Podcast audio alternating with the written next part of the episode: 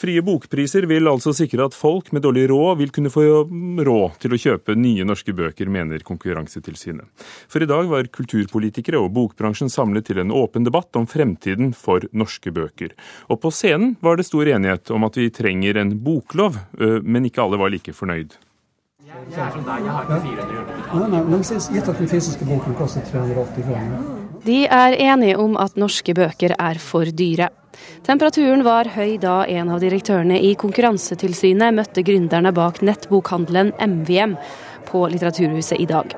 De er svært skeptiske til at alle nye norske bøker som er under ett år gamle, må ha samme pris, mellom 400 og 349 kroner, slik forlagene har bestemt.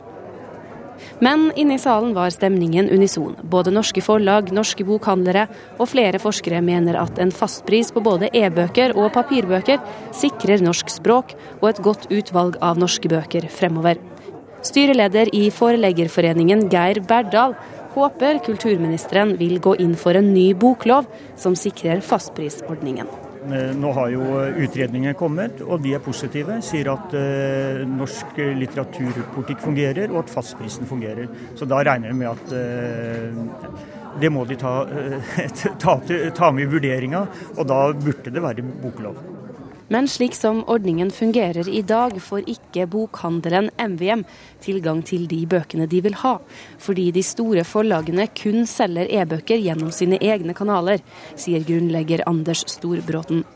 Ja, det, Vi har prøvd i tre år, vi, men vi, eh, vi kommer ikke i grep med de tre store i Norge. Jeg syns det er litt rart, for så lenge man har fastpris, så skal man ha leveringsplikt også. En boklov eh, kan være bra på flere måter, men det viktigste er at den ikke hindrer innovasjon. Vi står midt oppe i en revolusjon på, på litteratur, og hvis vi skal ha regler, regler, som sørger for at de beste løsningene ikke kommer forfatterne og leserne til gode, så, så kommer vi til å skyte oss selv i foten. Konkurransetilsynet har i årevis jobbet mot fastpris på nye norske bøker. De mener at norske bøker er så dyre at mange ikke har råd til å kjøpe dem, sier Kjell Sundevåg. Du vil fortsatt eh, måtte betale eh, nesten 400 kroner for en ny skjønnlitterær bok.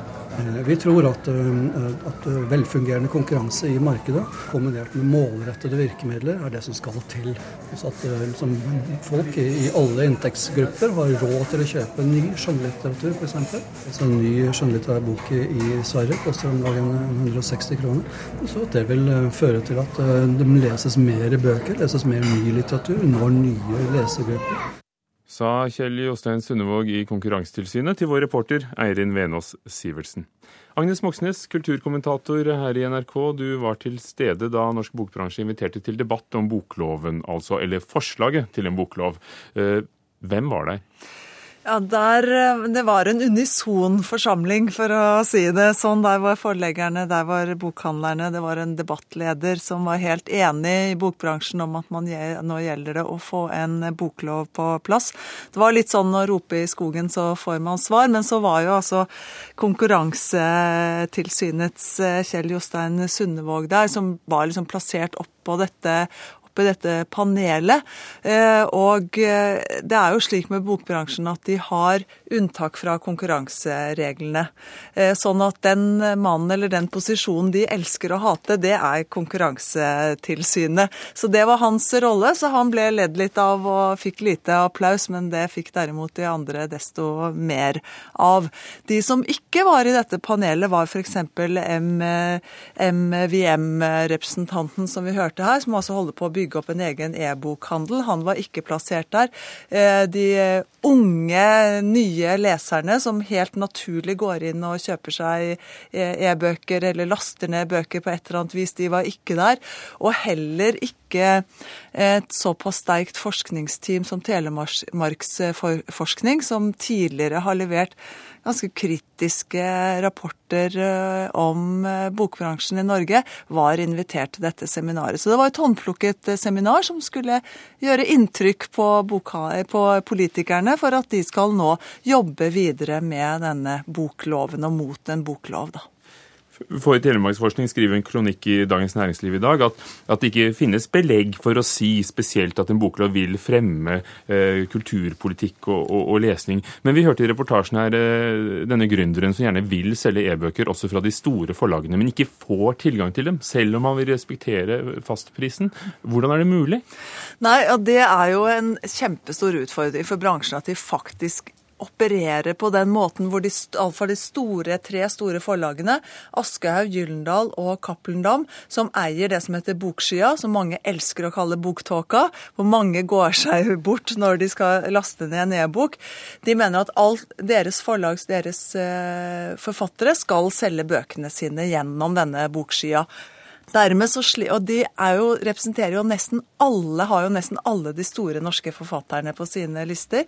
Og dermed så slipper altså ikke denne ny, nye eh, gründeren til, som jo prøver å lage et norsk eller et nordisk system som skal konkurrere mot erkefienden, som jo er Amazon og, og iBooks. De store altså i utlandet. Men eh, med, hva slags debatt kunne det bli uh, når det var såpass mange som ikke satt i dette panelet? Nei, Det ble jo en debatt om altså, bl.a. hvor man har boklov og hvor man ikke har boklov. Europeiske, mange europeiske land har gått til, uh, fått en boklovsordning fordi EU-systemet ikke tillater unntak fra konkurransereglene. Sverige og Danmark har ikke boklov, så man prøvde liksom å sammenligne litt med, med dem. Uh, så, men det ble jo mye mindre av en debatt nettopp nettopp om disse veldig viktige spørsmålene som er er det slik at et moderne bokomsetning med en boklov kommer til å sikre norsk språk og norsk litteratur? Er det veien å gå, eller er det andre måter man kan, kan nå det målet på? Hvem vinner dragkampen om hvordan denne loven skal utformes? Nei, det er faktisk veldig veldig spennende. For den norske bokbransjen har vært nokså vant til å ha direkte tilgang til norske politikere og, og, og byrå, norske byråkratiet. Eh, om de har det fortsatt, det er jeg usikker på. Dette dette seminaret i dag det var et forsøk på å holde det forholdet varmt. Eh, og så får vi se. Men det er en stor utfordring hvis man skal få en boklov, å få en boklov som er uavhengig av å sikre boka, og ikke bare sikrer bokbransjen. Agnes Moxnes, kulturkommentator, takk.